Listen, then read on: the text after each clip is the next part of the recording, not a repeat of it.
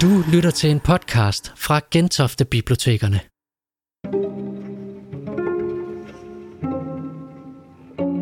Torsdag den 29. oktober besøgte venstrepolitiker, forfatter og foredragsholder Mads Fuglede Gentofte Hovedbibliotek med et fascinerende foredrag om valget i USA. Du kommer nu med ind i salen og helt op på første række. God fornøjelse.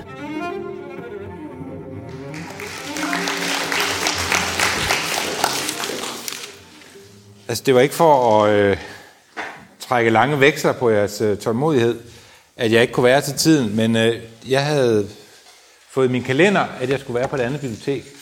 Så der har jeg løbet rundt de sidste 20 minutter øh, på jagt efter nogen, der gad at høre noget om USA. Øh, ude af stand til at finde nogen, der ville det. Til sidst var der en, der sagde til mig, altså tag det roligt, jeg har stemt på dig. Og så sagde jeg, det kan ikke bruge til noget. du skal høre noget om USA. Men så øh, finder jeg så ud af, at jeg skulle være her i stedet for. Og øhm, det, er jo, øhm, det er jo så fint, at I også er her og ikke er gået hjem endnu. Men jeg kan se, at der er røget 10 minutter af tiden via det. Så øh, jeg må hellere komme til sagen. Som, øhm,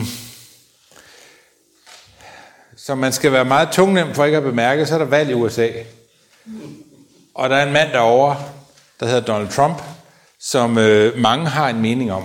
Og det skal vi jo tale om i dag, hvad det er for noget der foregår der i øh, USA.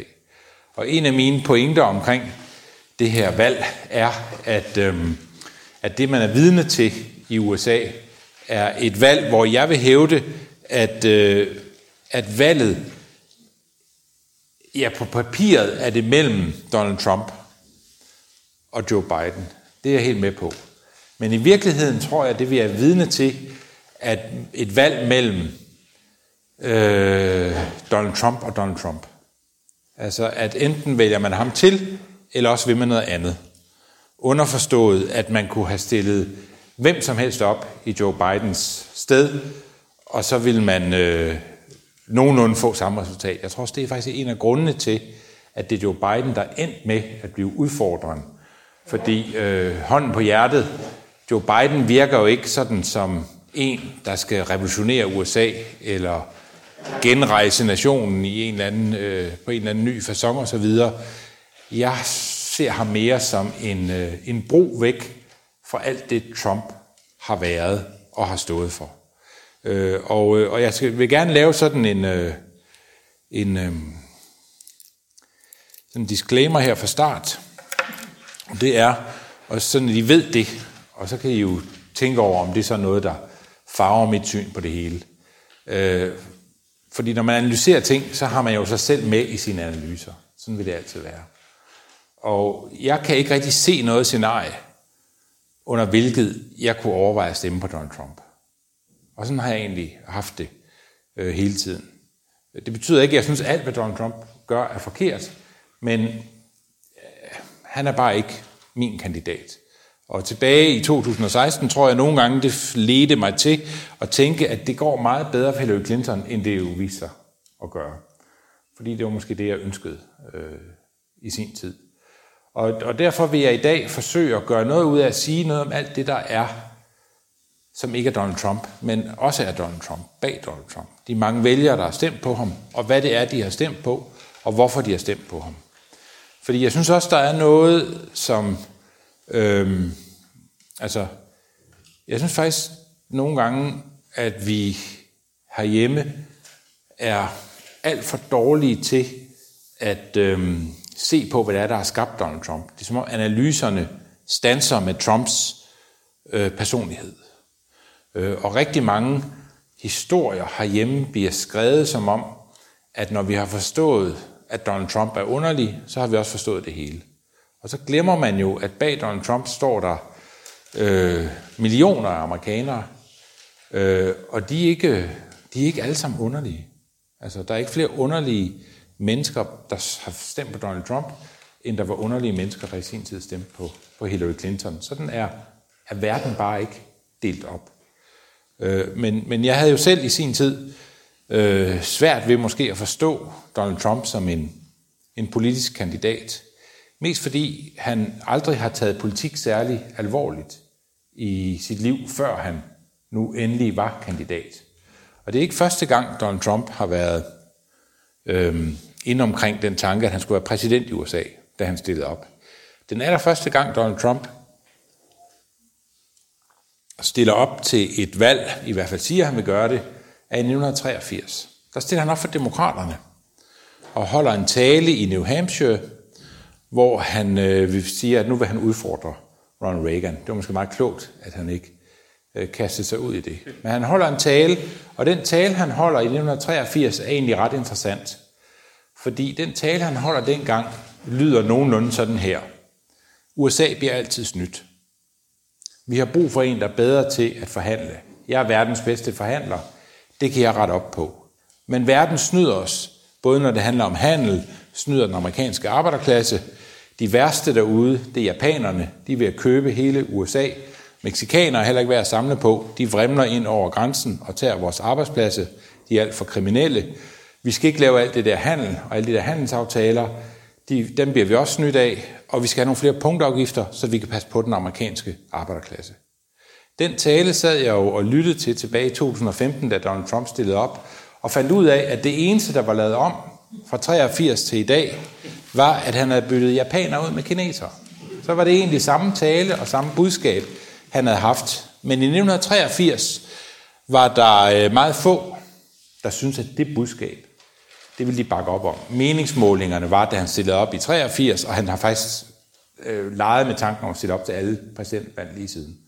Øh, og dengang var der sådan et sted mellem 2 og 5 procent, der synes det var interessant. Øh, større var det ikke, og det lignede ikke rigtig noget. Det, der så sker i 2015, er, at lige pludselig er det her budskab, som jo på mange måder sådan er skræddersyet til øh, forsmået arbejderklasse, øh, lige pludselig finder det budskab en øh, genklang i en gruppe af den amerikanske befolkning, der gør, at øh, i stedet for at få målinger, som tidligere havde givet Trump en meget lille opbakning, så i 2015, så ret hurtigt fik han en opbakning i målinger på 20, 25, 30, nogle gange 40 procent blandt republikanske vælgere til primærvalg. Og det var vel at mærke helt i starten, hvor feltet af kandidater blandt republikanerne var på mere end 20 personer.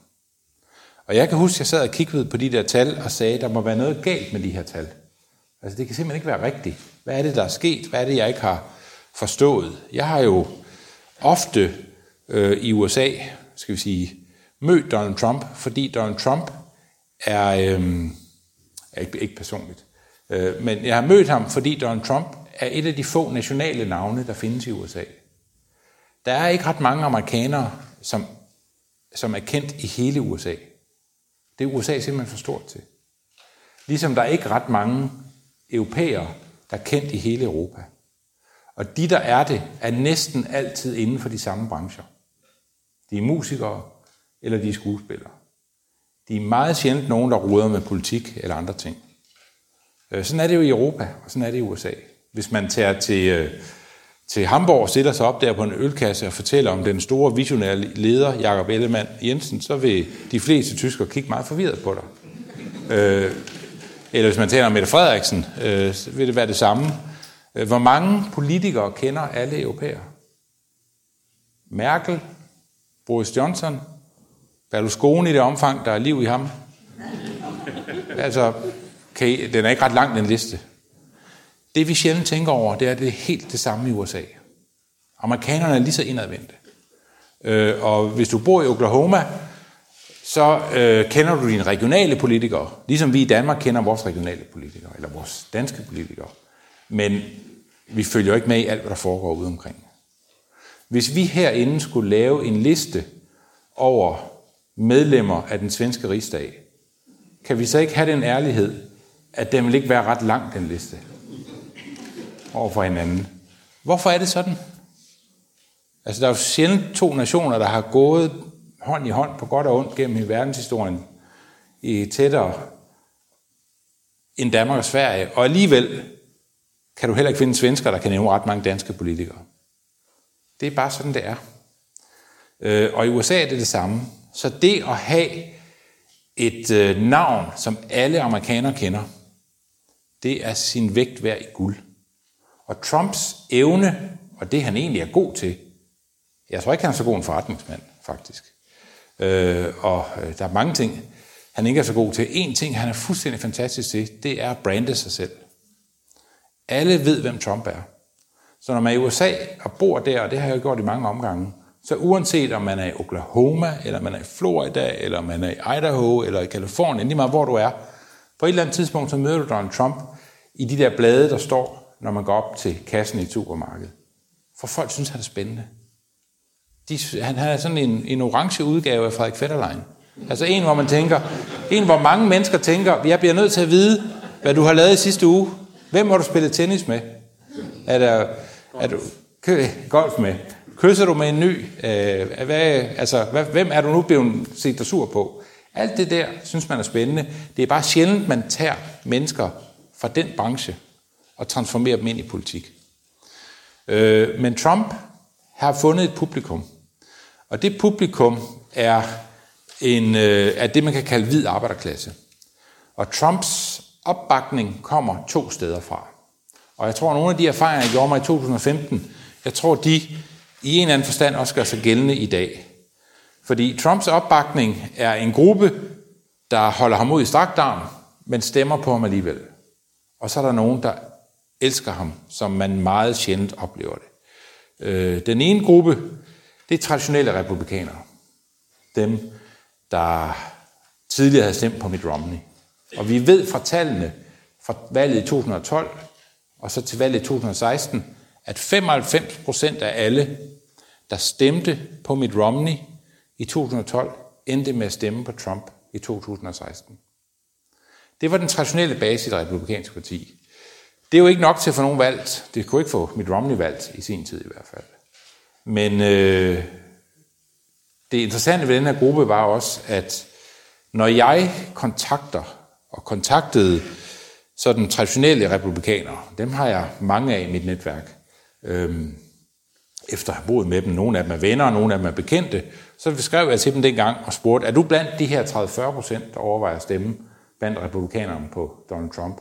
Og de svarede alle sammen på nær en, en, øh, en original, jeg kender, der hedder Knud, der bor i Maryland. Så svarede de alle sammen det samme. Jeg kunne aldrig finde på at stemme på ham. Og det synes jeg var underligt, fordi kan det virkelig passe, at jeg havde så mange venner, og jeg kunne ikke ramme nogen af de her 30-40 procent? Og efter valget, der spurgte jeg mange af dem igen, og så sagde de det samme igen. De havde ikke stemt på ham. Og den her gang, der vidste jeg, at de sandsynligvis ikke talte sandt.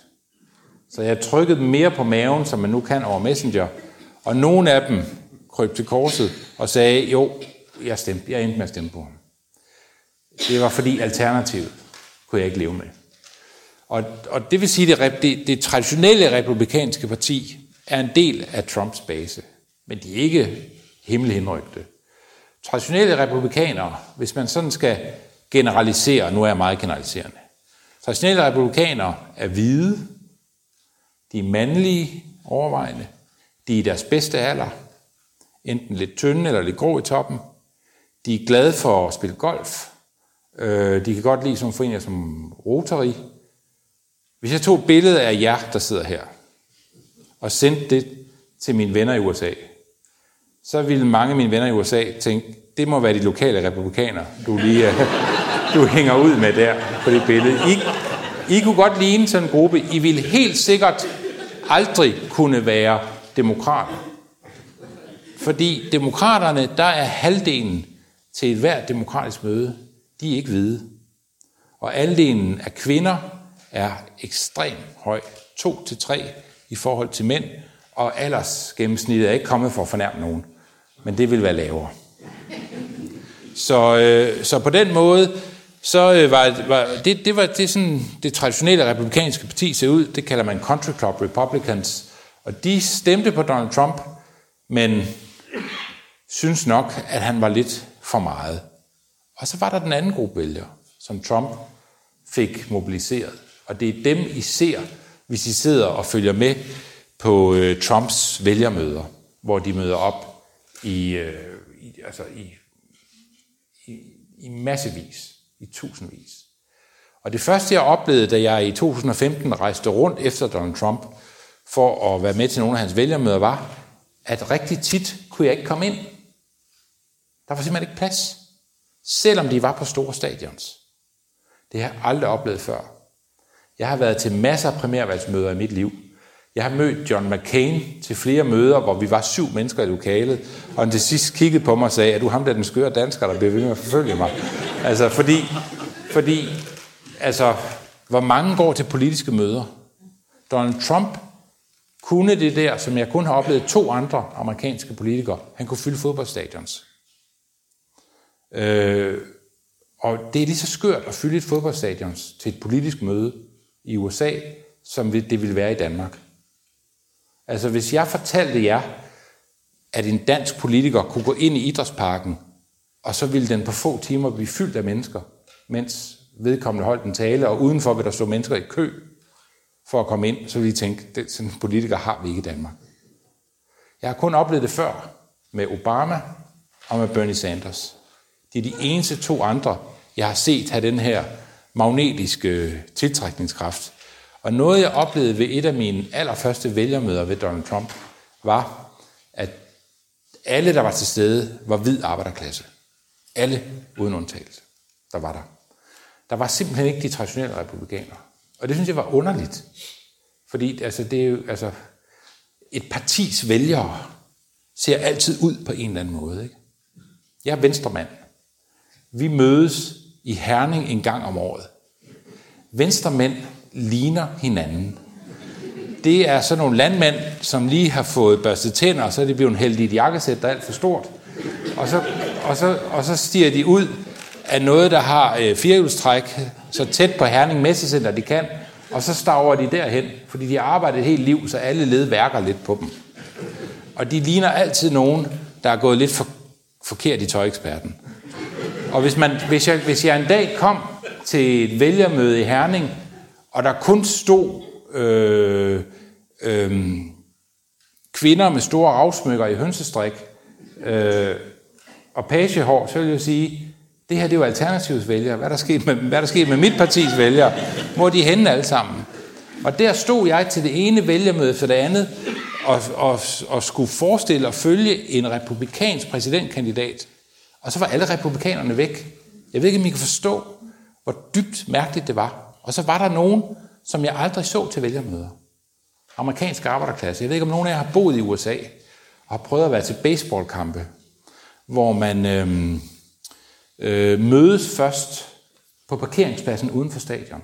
Og det gør man i flere timer før og efter kampen. Det er faktisk mere vigtigt end selve kampen. Og der kommer arbejderklassen i pickup trucks, og så har de en grill bagpå, og et køleskab installeret på den.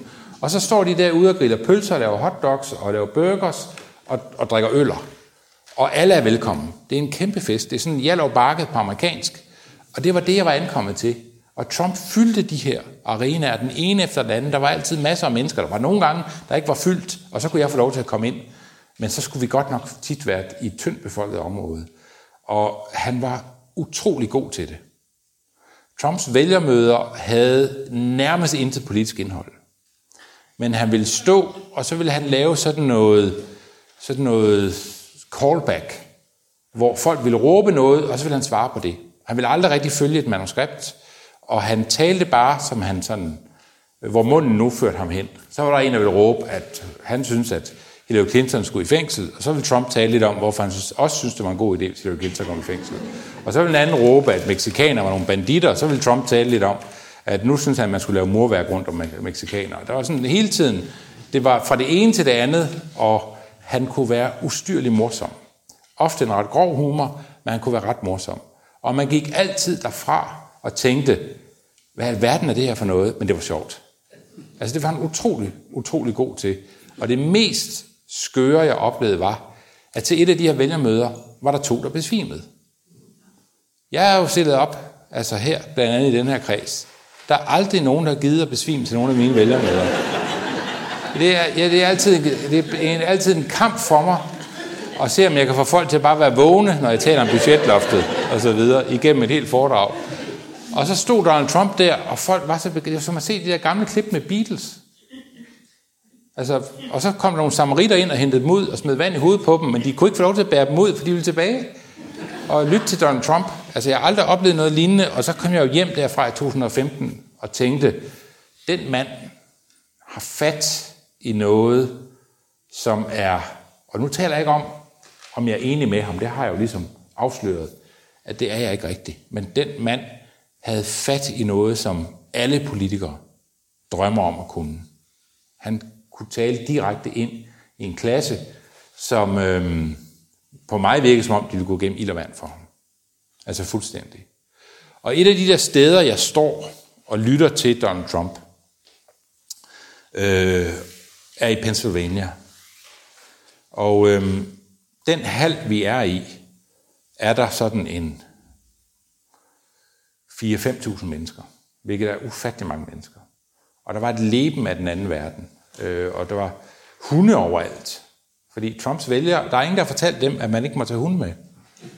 Så de har taget hunden med, og så står de der med, en lille vand, altså med lidt vand og så videre. Øh, jeg ved ikke, hvor mange hunde der var. 100, 200? Alt for mange. Fordi det viser sig, at hunde er...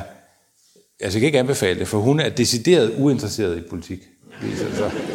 Vi er meget interesserede i hinanden, men, men folk var ligeglade, fordi det var mere en fest. Det var ikke meningen, man skulle høre alt. Det var meningen, man skulle have en oplevelse, man skulle komme begejstret hjem. Og jeg stod der i den der øh, bygning, øh, som var en gammel fabrik, der blev lavet om til en multihal, øh, og stod og betragtede det, der foregik. Jeg kan huske, jeg stod og snakkede med en mand, øh, som var meget begejstret for Donald Trump, og jeg spørger ham på et tidspunkt, hvad er det, der gør, at I, altså amerikansk arbejderklasse, hvad er det, der gør, at I er begejstret for Donald Trump? Hvad er koblingen mellem jer og ham? Jeg kan ikke se det. Han er fra det øverste samfundslag. Han har sandsynligvis aldrig været en skurvogn i sit liv. Jeg tvivler på, at han har lavet ret meget fysisk arbejde, eller nogensinde har gravet en have op, eller sådan noget. Det er nogle helt banale ting. Det tror jeg ikke, han har gjort. Hvorfor er I begejstret for ham? Øh, og han havde jo ligesom luret, at jeg ikke var arbejderklasse. Det kunne han jo mærke på mine hænder, at jeg ikke var. Og han kunne også se det på mig. Øh, men jeg sagde så til ham, at jeg var fra Danmark, og så slappede han ligesom af, for han havde også noget familie i Holland. Så det kunne vi... Det var ikke, det var ikke noget problem. Så, øh, så, så var jeg ligesom tilgivet, at jeg ikke var en af dem. Øh, og jeg stod der, og så fortæller han mig jo, at du kan jo se på ham, at han er som os. At øh, du kan se på Donald Trump, at han bedre kan lide boksning, end han kan lide ballet. Så kigger på Donald Trump og tænker, ja, det kan der måske godt være noget om. Det kunne jeg sådan godt lidt ane på det hele. Og han siger, du kan også se på ham, at han hellere vil have en cheeseburger, end uh, han vil have noget hummus. Og så kiggede jeg på ham der, ja, det er simpelthen ikke en hummus-type, det der. Det kunne jeg godt, det kunne jeg godt se, at det kunne der godt være noget om. Og så sagde han, men det er noget andet, der gør sig gældende. Det, der er, øhm, det, der er specielt ved Donald Trump, er, at I hader ham. Det er det, der gør, at vi elsker ham. Og så sagde jeg, det forstår jeg ikke et ord af. Hvad mener du med det? Og så sagde han, jamen, vi er arbejderklasse. I hader os. Det er derfor, jeg har smadret vores liv. Det er derfor, jeg har givet kinesiske varer, som vi ikke kan konkurrere med. Det er derfor, jeg har lukket den her fabrik, vi står i. Det er derfor, I har lavet frihandel med Mexico og øh, alle, der udkonkurrerer os. Det er derfor, I lukker indvandrere ind, så de kan konkurrere med vores arbejdspladser. Hver gang i taler med os, så taler I ned til os. I synes, vi er for tykke. I synes, vi er for religiøse.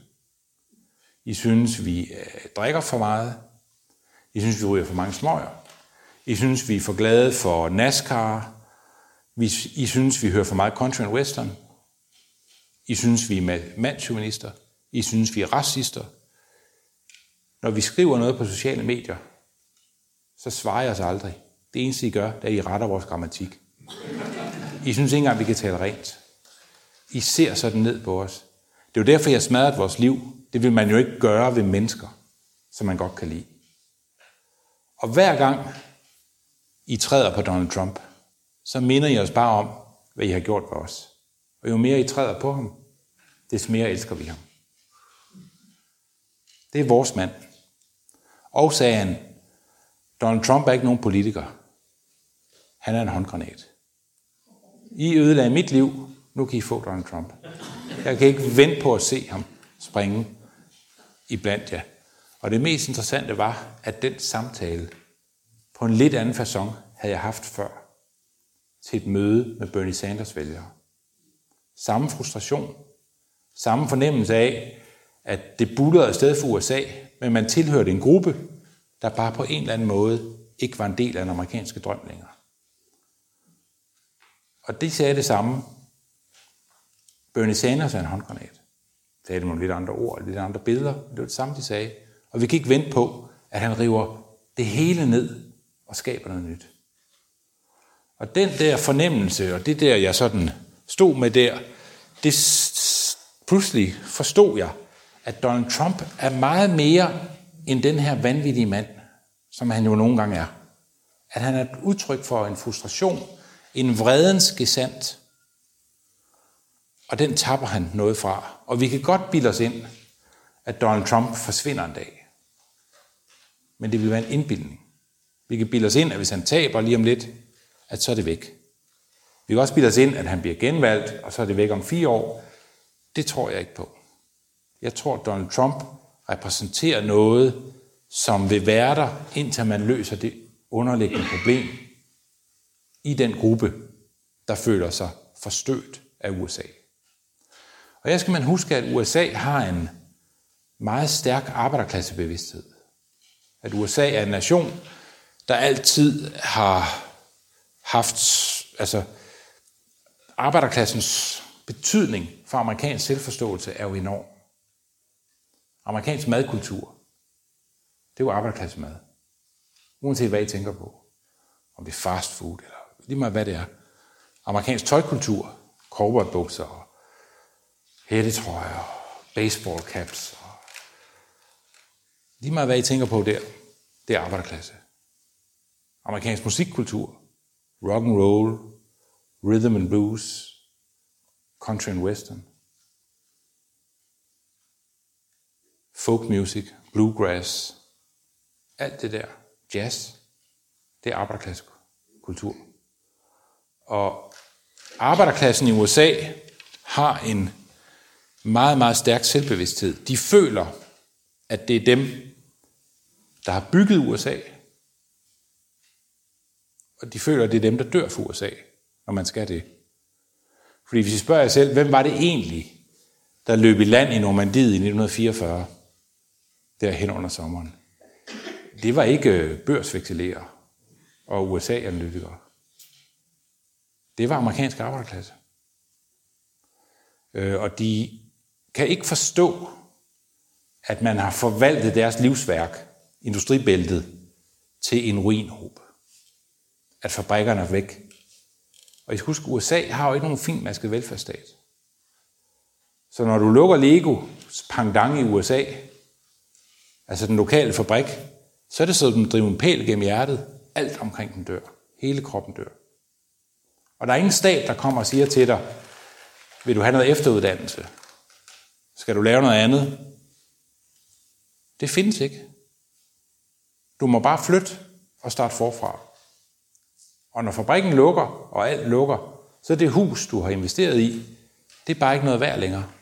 Og så smider man nøglerne i postkassen, og så rykker man videre og prøver at starte forfra. I kender godt det der program Luksusfælden, ikke? Jeg ser det selvfølgelig aldrig. Det er alt for altså veluddannet til, så fint på den til at sidde og se sådan noget. Men en gang er jeg kommet forbi tv, hvor jeg sådan så det ud af øjenkrogen. Øh, og så stod jeg der og lå være med at se på det. Øh, og så tænker jeg, at de der mennesker, der har det så skidt i deres liv, at øh, de har fået besøg af Mette Reismand, at de... Øh, det er alligevel tankevækkende, at de havde meget pænt tøj på, synes jeg. Og de havde tænder i munden. Og de der vægge i deres hus, gør det vægge et hus skal gøre, de bare taget. Og der kom ikke vand gennem taget. Der var måske lidt mange kamphunde, og man kunne få noget ud af kvitsmøgerne og sådan noget, men i bund og grund lignede det liv, der ikke var langt væk fra mit eget. De samme mennesker i USA, der har så ondt i privatøkonomien, at de går ind i luksusfælden, de bor på gaden. De lever i deres bil. De har ikke noget som helst. Og når man lukker sådan en fabrik som den, jeg stod i i Pennsylvania, så mister man jo rigtig meget i USA. Man mister adgang til sundhedsvæsenet. Og øh, du kan først få adgang til det, når du har mistet alt. Det er sådan, det amerikanske system er. For når du bliver arbejdsløs i USA, så mister du din sundhedsforsikring, og du kan først blive behandlet, når du er så fattig, at det offentlige system tager over.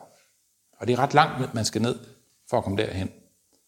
Så hvis man får en, øh, en blindtarmsbetændelse, eller skal gennemgå et graviditetsforløb, eller sådan noget, det er mange hundredtusind kroner, de ting koster, når man røg ud af det der. Det liv, man har på den anden side af fabrikken, når den er lukket, det er ikke ret godt. Og desperationen i den her gruppe er enorm. De har arbejde.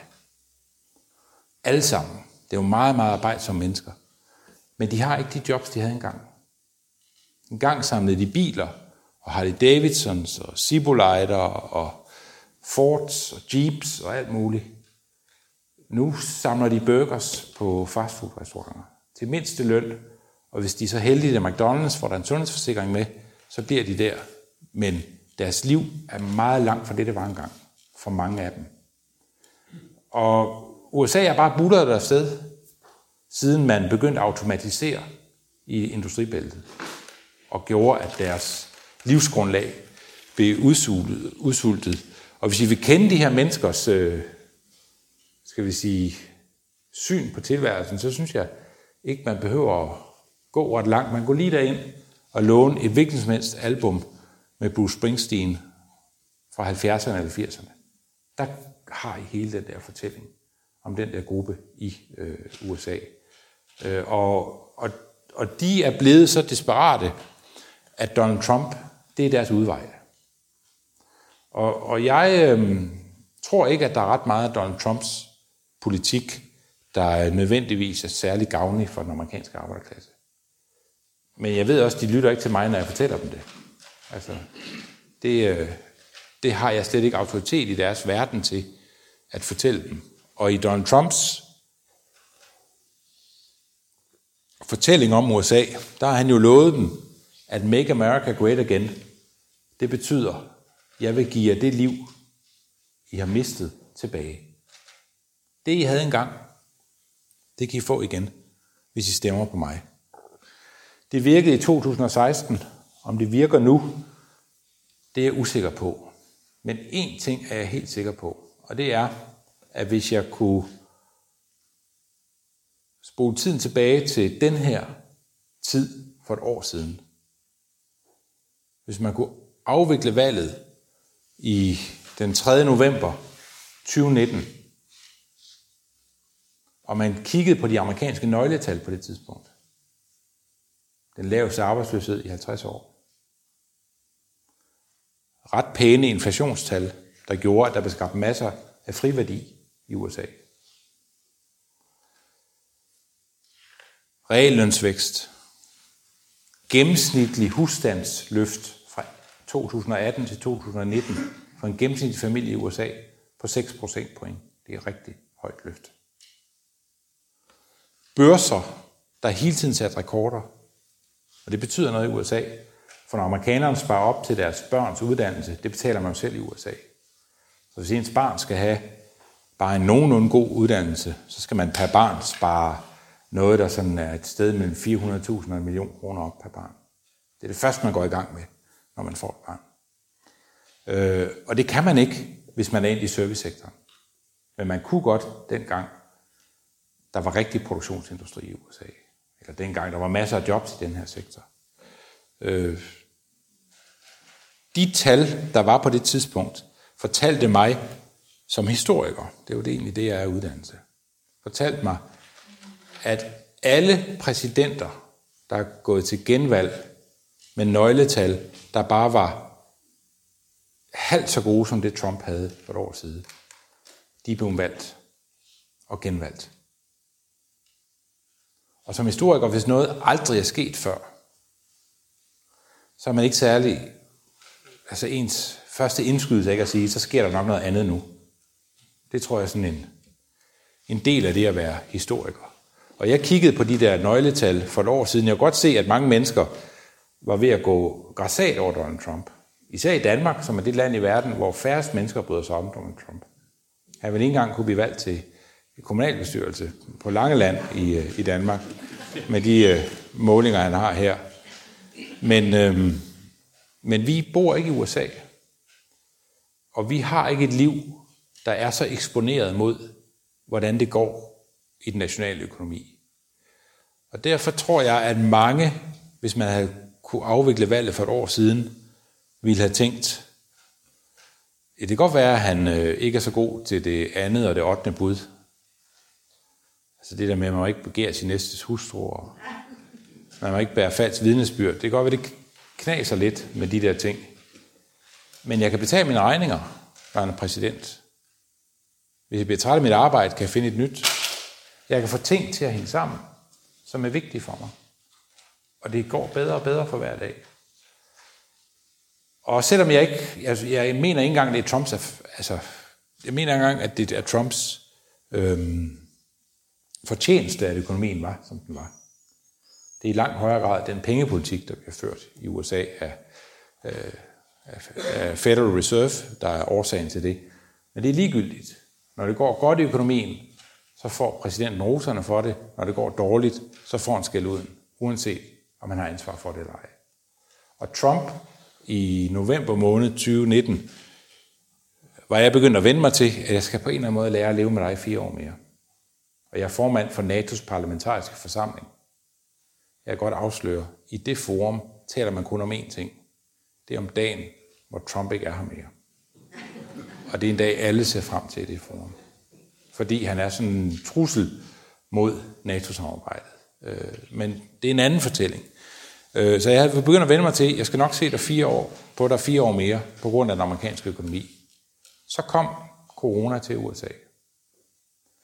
Øhm, og jeg mener jo egentlig på mange måder, at Trump nok havde vist, hvem han var inden da. Men da corona kom, var det som om bunden gik ud af Trumps øh, projekt. Øh, de meget, meget høje dødstal. Det, at der ikke var nogen federal kontrol med noget af det, der foregik i USA. Og det, at man for længst har rundet 200.000 døde og øh, har haft perioder, hvor man på et par dage oplevede, at hver anden dag, der døde der lige så mange i USA af corona, som omkom, da japanerne angreb Pearl Harbor den 7. december 1941, eller da Al-Qaida 11. september angreb USA. 2001. Øh, og der er nu så mange, der døde af corona i USA, at vi kan godt tænke her, at vi har, det kan jeg jo se på os, vi er, lever også med pandemien, men i USA kender alle nogen, for så højt er tallet nu, som selv har mistet, eller de kender nogen, der har mistet nogen til det her, og de bebrejder Donald Trump det. Øh, og, og, øh, og Trumps problem var nok der, at han øh,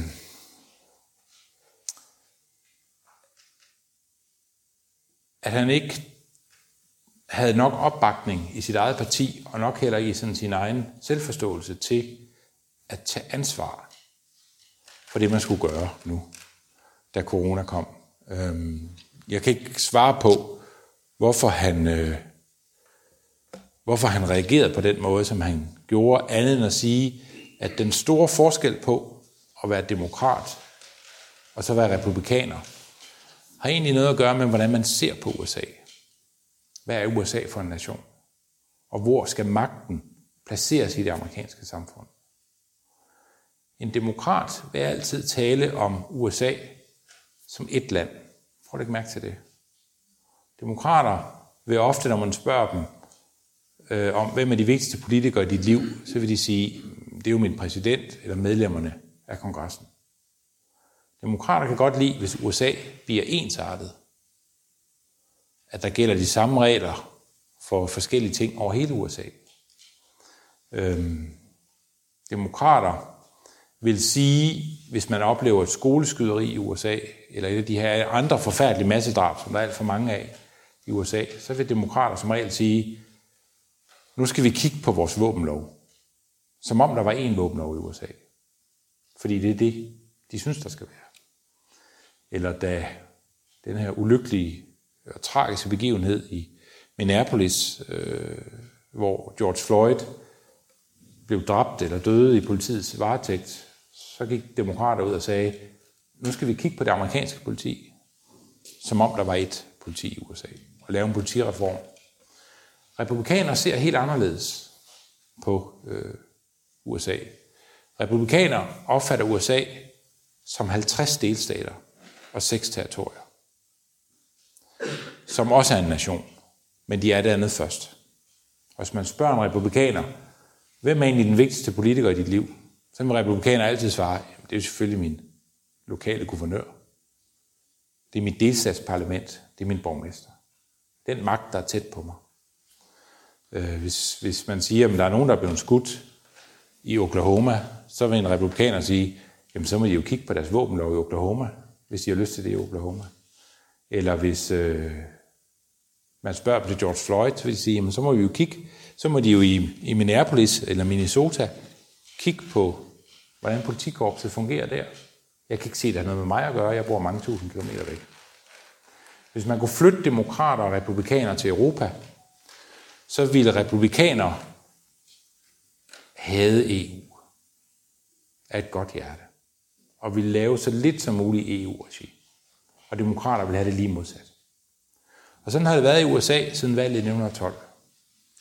Der har republikanerne været antiføderalister, og demokraterne har været federalister. Og hver gang man stemmer på en republikaner og sender ham til Washington D.C., så ved han godt, at hans opdrag er at lave så lidt som muligt.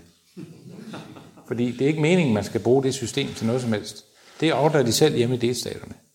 Hvorimod demokrater, når de ankommer til Washington D.C., så er der ingen ende på, hvad de, kan, hvad de kan få idéer til lovgivning, man skal lave for hele USA. Sidst de havde succes med det, var Obamacare, som I sikkert kan huske. Republikanere opfatter nok præsidenter, hvis man skal være helt ærlig, som nogen, man kun kan bruge, når der er en verdenskrig. Så kan man pille dem frem og sige, tag lige lidt lederskab. Ellers så er de mest nogen, der kan indvige øh, store centre og holde begravelsestaler og sådan noget. De skal i hvert fald ikke gå og lave politik. Det er sådan, republikanere tit har det. Jeg siger ikke, Donald Trump har det, men det er sådan, nu generaliserer jeg de to partier. Måske også lidt voldsomt, men der er meget om snakken. Og, det, og min pointe, som jeg af en eller anden grund er sejlet langt væk fra, men nu kommer jeg tilbage til den. Min pointe er, at da corona kom til USA, der reagerede Trump som en typisk republikaner. Han sagde, vi skal ikke finde et federalt svar. Kig da på det ude i delstaterne, hvad I vil gøre. Og det er ikke første gang, republikanere reagerer på den måde. De af jer, der er historieinteresserede, vil sikkert kende til Sorte Torsdag 1929, da børsen brød sammen, øh, og kurserne gjorde, øh, oplevede så stor kurstab øh, på Wall Street, at øh, tusindvis af banker lukkede i USA. Og mennesker stod i kø udenfor og oplevede deres livsopsparing bare var væk, og mange virksomheder oplevede det samme. Og rundt i USA drev millioner af unge mænd, der pludselig var arbejdsløse for deres, deres opsparing, deres arbejde. Alt det der var væk. Øhm, i kender Vreden Store af Steinbeck, der beskriver øh, hele den der fortælling. Øh, og dengang, der havde man en republikansk præsident, Herbert Hoover, nok en af de, hvis man ser på hans evner, som bare ser på ham som person, Herbert Hoover, en af de dygtigste præsidenter på mange måder, USA nogensinde har haft. Han var så dygtig til at håndtere pandemien i 1918, altså den indsats, man gjorde for at øh, så få som muligt døde af, af influenzaen dengang, at han er den eneste ikke-britte, der er blevet tilbudt en ministerpost i Storbritannien, i det engelske parlament. Så dygtig var han. Så var han blevet præsident i USA, men han var stadigvæk republikaner. Og da man spurgte Hoover, bankerne lukker, folk er arbejdsløse, det hele synes at bryde sammen, hvad skal vi gøre? Så svarede jeg Hoover, jeg synes ikke, vi skal gøre noget. Jeg er republikaner. Det synes jeg, folk selv skal ordne. Og øh, det budskab var der ikke så mange, der var interesseret i. Det svarer lidt til, at man ringer til brandvæsenet, fordi der er ild i huset. Og så kommer brandvæsenet, og så siger man, Nå, øh, hvad med at slukke ilden? Og så svarer brandmændene, ja, vi ser lige, hvad der sker, ikke? Ja. Det kan være, at der er noget af det, der skal brænde væk, der brænder væk nu, og Det kan være, der opstår noget rigtig godt om på den anden side af huset, mens vi lige står her for en kop kaffe og sådan noget. Kender I det der udsagn, at i skyttegraven findes der ingen ateister? Det har I sikkert hørt. Det er sådan lidt det samme, at når USA er rådet i skyttegraven, så er der ingen antiføderalister i USA. Kan I følge min pointe? At når der sker noget voldsomt for USA, så vil alle gerne have, at nogen i Washington er den stærke mand. Få Mussolini herover, så togene kan køre til tiden, så der er nogen, der udstikker ordre, så nogen bestemmer, så nogen gør noget.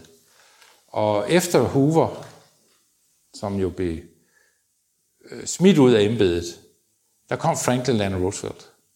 Og Roosevelt havde New Deal med, og han havde nogle folk, der var i Sverige, han havde en løsning, som overhovedet ikke virkede. Men amerikanerne elskede det, fordi han handlede. Og det, der egentlig løftede USA ud af depressionen for 29, det var 2. verdenskrig. Og, og det, man gjorde der. Men, men pyt nu med det. Trump blev et eller andet sted ramt af det samme. At hans svar var antifederalisme. Han sagde, at vi kan godt give delstaterne nogle gode råd, men de må ligesom selv ligge og rode med det. Og det var ikke det, amerikanerne ville have. Og ligeposerne blev fyldt, plejehjemmene blev tømt i New York og andre steder, og der var ikke nogen central styring på noget som helst. Der var ikke nogen, der havde udpeget en mand til eksempelvis centralt, føderalt og indkøbe værnsmidler i USA. Og der var kun i starten ret begrænsede værnsmidler. Alt det, man manglede, var også det, vi manglede. Man manglede visir, man manglede mundbind, man manglede håndsprit, man manglede de lange vatpinde, man skulle bruge til at lave test med. Man manglede respiratorer, man manglede beskyttelsesdragter, man manglede det hele, og det var lidt svært at få fat på, fordi der var nogen, der var gået i handelskrig med Kina, og man lavede øh, mange af de her ting i Kina. Og det blev ikke købt ind centralt, så de enkelte delstater, de lå og bød hinanden op på de her produkter. Og på et tidspunkt så gik New Yorks borgmester ud og sagde, jeg kan ikke følge med længere. Jeg er den stat, der er hårdest ramt af corona. Mine egne folk dør, og jeg bliver overbudt af stater, som ikke rigtig har coronatilfælde. I kan godt se det der med, at på det tidspunkt, der er man ikke antifederalist. Der står man i skyttegraven og siger, præsident, hvor er du henne? Og derfor er min pointe omkring det her valg, at Joe Biden har ikke noget med det at gøre. Der er good Trump, og der er bad Trump. Og de er i valgkamp med hinanden. Good Trump leverede en økonomi, der var historisk stærk. Og bad Trump lavede alt det andet og satte kronen på værket med sin håndtering af covid-19. Og hvis vælgerne står i valgboksen og tænker på, hvordan økonomien var for et år siden, så tror jeg, at Trump får et meget bedre valg, end vi bilder os ind. Og end jeg selv ønsker. Men hvis vælgerne står og tænker på alt det andet, så vinder Biden. Og Bidens kvalitet er kun én ting. Det handler ikke om, hvad han mener politisk. Han siger jo aldrig noget om det er rigtigt. Bidens kvalitet er, at han ikke er Donald Trump. 57 procent af alle, der stemmer på Biden, siger, at de stemmer på ham, fordi de var af med Trump. Det er jo en ret underlig kvalitet at have som politiker. Det er jo meget sjældent, at, at det, at du ikke er en anden, det er derfor, vi godt kan lide dig. Og mange har sådan spurgt mig, hvordan kan de vælge sådan en gammel mand? Hvorfor ham? Jeg tror, man skal tænke lidt over, hvad Biden repræsenterer, via den, han netop er, som han er. At, det, at Biden er jo gammel. Han bliver 78 den 20. november. Hvor mange 78-årige kender I, hvor I tænker, I skal have et af verdens mest strapasserende job? I en fireårig periode, hvor I i snit vil få en arbejdsdag på i hvert fald plus 12 timer hver eneste dag. Det er jo ikke så tit, man tænker, at det er det. Selv et pavevalg vil han være ret gammel til. Og gennemsnitslevealderen for mænd i USA, den er 76 år. Så hver dag Biden vågner,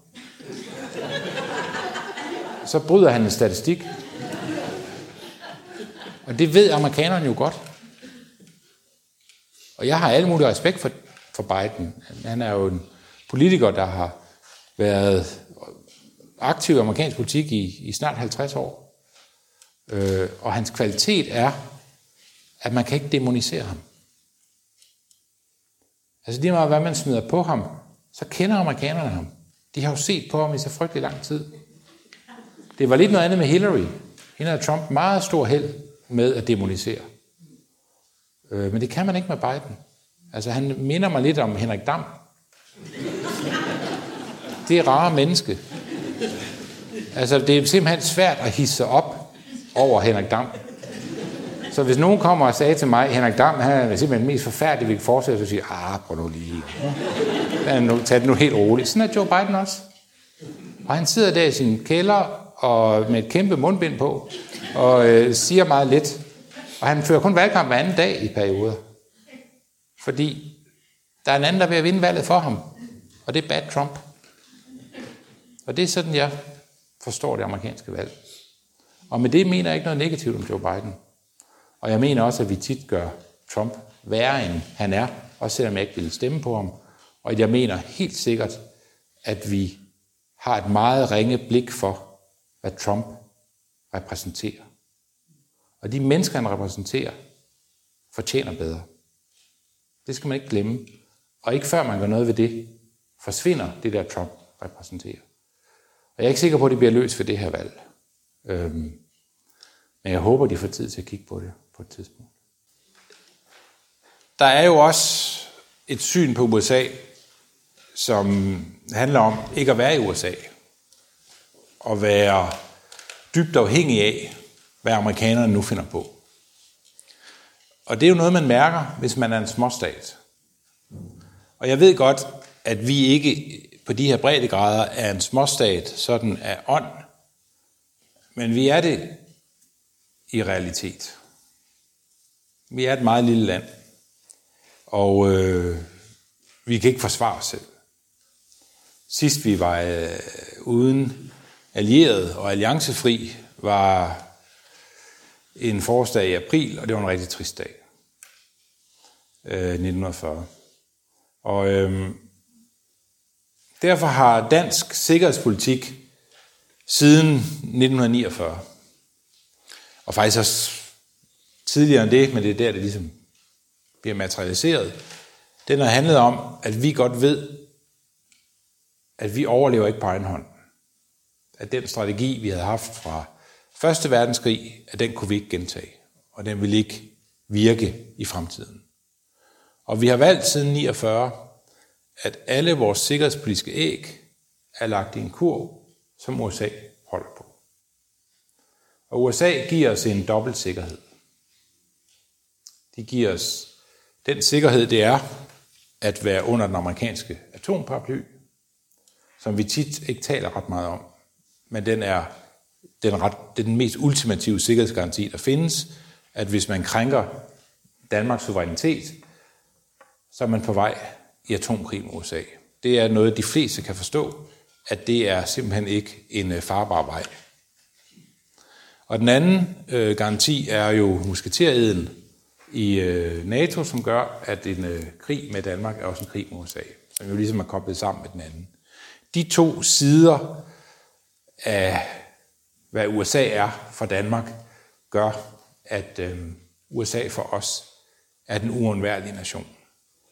Og det, man kan godt synes, at kunne det ikke være fint, hvis vi kunne svare os vel? Kunne det ikke være fint, hvis vi kunne sammen med nogle andre? Og man kan også synes, at USA tit gør noget åndssvagt. Nu taler jeg bare om, det her det er realiteterne. Det er sådan, det har været siden 1949. At vi er meget afhængige af, at amerikanerne gider at forsvare os. Og der har øh, siden Harry Truman, så har der været et USA, der øhm, så på os og det transatlantiske bånd og tænkte, NATO er hjørnesten i amerikansk sikkerhedspolitik. Og USA har sådan to steder, de kan kigge hen, når de tænker sikkerhedspolitik. Øh, de kan kigge til Stillehavet, og de kan kigge til Europa over Atlanten. Og de har lavet en strategi for begge områder.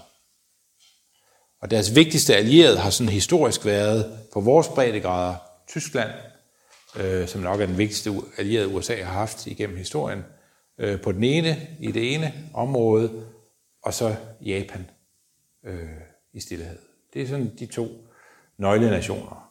Og det er lidt mærkeligt for de to nationer, der er blevet rullet fuldstændig flade af USA, og genopbygget af USA, og har fået skrevet deres forfatninger med ført hånd af amerikanerne.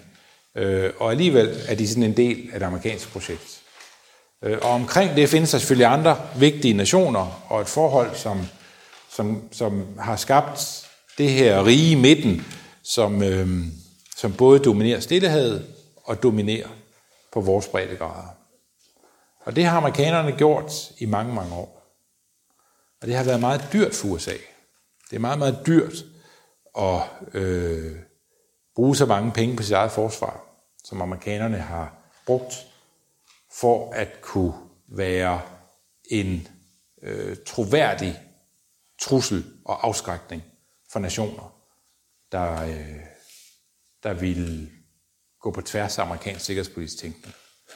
Øh, og den logik gik egentlig meget godt i lang tid. Og for os var det nemt. Vi havde Grønland, og amerikanerne synes egentlig, at det var fint. Så havde vi også det, at indsejlingen til Østersøen betød, at vi strategisk lå ret vigtigt. Og det, at, øh, at, at amerikanerne kunne... Amerikanerne giver os jo efter 2. verdenskrig, hvis vi nu skal fortælle historien, som den helt ærligt er. Så sagde amerikanerne til os, jeg tror, vi snupper Grønland. Og så sagde vi, det vil vi blive virkelig ked af, hvis vi gør. Og så sagde de, så kan I så ikke give os altså, en, en base derop? Og så sagde vi, jo, hvor, hvor vi er den henne? Øh, og, og så var det sådan, det var. Og vi har Grønland som en del af rigsfællesskabet, og Grønland er selvstændigt, fordi USA har besluttet, at det må vi godt. Egentlig, et eller andet sted. Det er sådan, det er. Jeg ved godt, vi fortæller noget lidt andet i skåltaler, og der står sådan lidt andet i historiebøger, men det er ikke sådan, det er, det der står der. Øh, vi øh, er en... Kender I de der små fisk, der svømmer sammen med hajer? Pilotfisk. Kender I dem? De svømmer og spiser snylter på hajen. Danmark er en pilotfisk. USA er en haj. Der er jo ingen, der spiser pilotfisken. Det er jo åndssvagt for hajen at spise den. Man udfører jo en opgave. Det vil også være åndssvagt for andre store fisk at spise pilotfisken, for der er en haj. Der er nogle ting, man kan som pilotfisk, og der er nogle ting, man ikke kan. Man kan godt sige, jeg synes lidt, vi svømmer i en forkert retning.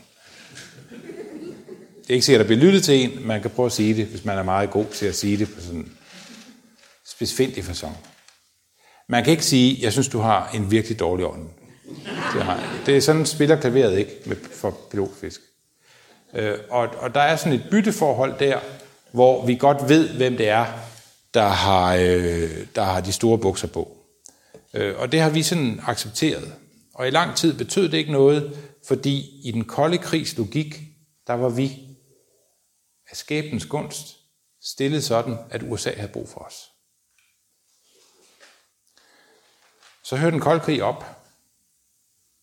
Tulebasen er stadigvæk interessant, men den daler noget i værdi. Og indsejlingen til Østersøen er også lidt interessant, men den der flåde, som man skulle blokere i at sejle ud, den er rustet op. Og findes ikke rigtig mere. Og, og så sidder vi der, og så begynder amerikanerne efter den kolde krig at sige, vi har godt nok betalt længe for jeres sikkerhed. Har I lyst til at give noget mere? Og danskerne siger, ja, hvad er noget mere? Altså, vi er lige i gang med noget velfærd her på vores breddegrader. Hvad mener I med noget mere? Amerikanerne siger sådan, under Obama, så siger de, altså nu er det simpelthen nok venner. I er decideret nære i. Og hver gang, og jeg er jo politiker, jeg ved det godt, det er meget nemmere at overtale jer til, at vi skal øh, forbedre vores øh, folkeskole, end det er at overbevise om, at vi har brug for en ny kampvogn. Altså det, er, det er realiteterne. Øh, men det har så betydet, at, øh, at amerikanerne på et tidspunkt siger, nu stopper festen. Nu vil vi have, at I bruger 2% af jeres bruttonationalprodukt. Det skal I bruge på forsvar. Ellers bidrager ikke ordentligt. Og hvis I har læst avis de seneste dage, og hvis I har læst NATO's analyse af Danmark, stridkræfter, det ser ikke pænt ud. Det gjorde det heller ikke tidligere. Vi har brugt cirka halvdelen af det, vi har lovet amerikanerne at bruge. Og det er jo sådan lidt underligt, hvis man øh, har tegnet en forsikring og regner med, at man får det hele dækket, hvis det brænder ned, fordi man har betalt hver anden forsikringspræmie. Så amerikanerne har lagt pres på europæerne, og de har især lagt pres på tyskerne, for de er værre end vi er, for at få dem til at bidrage. Øh, og, i, og den logik opstår efter den kolde krig, hvor USA havde en million mand stående i Europa øh, i en meget, meget lang periode. Det har været ufatteligt dyrt for USA at have en million mand stående i Europa i en så lang periode. Og nu kræver de altså, at, øh, at nu, skal vi, nu skal vi være lidt mere fælles om det her og forsvare jer. Og det var jo bare et spørgsmål om tid, før der var en eller anden mand med orange hår, der rakte fingeren op og sagde, hvorfor er det amerikanske skatteyder og vores soldater, der skal bløde for danskernes sikkerhed? Kan de ikke selv hjælpe med det? De brugte sjældent også som eksempel, fordi det der med Holland forvirrer dem meget, men, men de vidste jo godt, der var noget galt. Og med Trump har vi oplevet det, jeg vil kalde for en markant radikalisering af det, Obama sagde. Nemlig, at festen er forbi. At hvis I vil have amerikansk sikkerhed, så må I være med til at betale det, det koster. Og i lang tid i Danmark tænkte vi, vi møder bare op hver gang, der er noget. Så opdager de ikke noget. Så når der var en ørkenkrig, så kom vi med 13 kirurger og en ubåd og tænkte, det her, det, det, det var det, vi mødte op med til Irakkrigen. Det er ikke noget, jeg finder på. Så, til, så tænkte jeg mig, det her, den køber de. Det, de, de, de forstår ikke, det, de, det forstår de der dumme amerikanere ikke. Men de opdagede det undervejs, så vi har været rigtig gode allierede. Vi har mødt op alle de steder, vi kunne. Og vi har bidraget med det fineste, vi har, og vi har mistet det allerdyrebarste, vi har i vores allianceforhold med USA. Men det ændrer ikke ved, at den geostrategiske situation har ændret sig. Og Obama var den første, der sagde, Europa er ikke nær så vigtig som Stillehavet. Der findes ikke noget i Europa, der er andet end bøvl. Hvad enten det er Rusland, eller noget på Europas større trin, der er Syrien og Nordafrika osv., der er kun bøvl der. Stillehavet derimod, der har vi en nation, der vækster. Også den eneste nation, der rigtig kan tro os, det er Kina. De skal inddæmmes, men vi skal også handle med dem. Der er masser af penge. Det er fornuftigt for os at være der.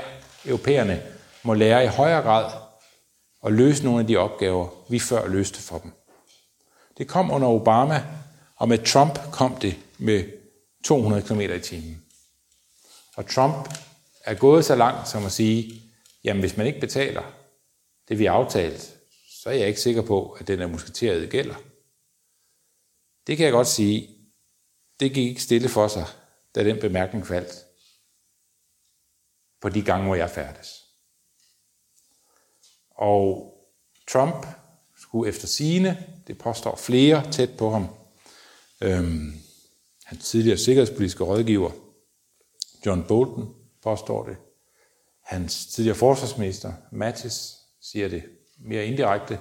Han siger det også, at hvis Trump får mulighed for at trække USA ud af NATO, så vil han gøre det. Den dag, det måtte ske, er i de sorteste dage i Danmarks historie, hvis det sker. Og hvis vi i Europa, så er der mange, der siger, jamen kan vi så ikke bare stå sammen i Europa? Altså vi har slet ikke de der kapaciteter. Hvis vi skulle opbygge dem, så ville det kræve nogle absurde investeringer i militært isenkram i en meget lang overrække, for at komme op på det der niveau. Det er, det er slet ikke et alternativ, der er interessant. Øh, og derfor er en af de største, skal vi sige, udfordringer med Donald Trump, det er, at han har sået tvivl om USA som vores sikkerhedspolitiske garant. Og det er nok det, der gør, at det er meget svært at finde nogen, der beskæftiger sig med dansk sikkerhedspolitik, der sidder og håber, at han får et godt valg her lige om lidt. Fordi man tør simpelthen ikke det der. Og i den forstand er det ligegyldigt, hvad Biden mener. Bare han har et frisk øjeblik, hvor han husker, at NATO er noget, vi godt kan lide. Fordi det er verdenshistoriens mest succesfulde alliance. Men den er også på en eller anden måde blevet overhalet af historiens gang. Øh, den har sejret sig selv i hjælp på en eller anden façon. Og det kan man godt leve med i Tyskland måske. Det kan man godt leve med mange steder. I Danmark er det svært. Fordi, det tænker vi måske ikke så tit over, men Danmark er faktisk, eller rigsfællesskabet, er det land i verden, der har den største territoriale disput med Rusland. Og det er disputen, der handler om øh, Grønlands kontinentalsokkel. Og jeg godt for, det, det, og russerne mener, at alt det, vi synes, der er vores, det er deres. Og jeg kan godt afsløre i den forbindelse, at hvis den disput skal på en eller anden måde afgøres, der er det rigtig rart, hvis man kan kigge over sin skulder og se, at i ringhjørnet, der sidder USA. Hvis man kigger over skulderen og opdager, at derovre, der sidder færøerne i stedet for. Og jeg elsker færinger. Så er det bare ikke samme det er ikke samme øh, ekvilibrium, vi er, er ude i. Og, og det sikkerhedspolitiske element gør jo, at, øh, at der er mange, især mindre nationer, der håber, at man får en ny kurs i USA, og er meget bange for, hvad Trump øh, repræsenterer med sin America First-politik. Og så var det det, jeg havde at sige.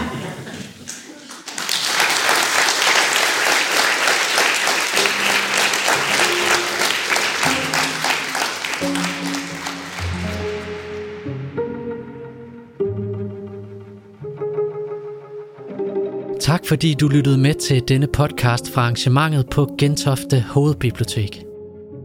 Du finder flere arrangementer på vores hjemmeside. Vi lyttes ved.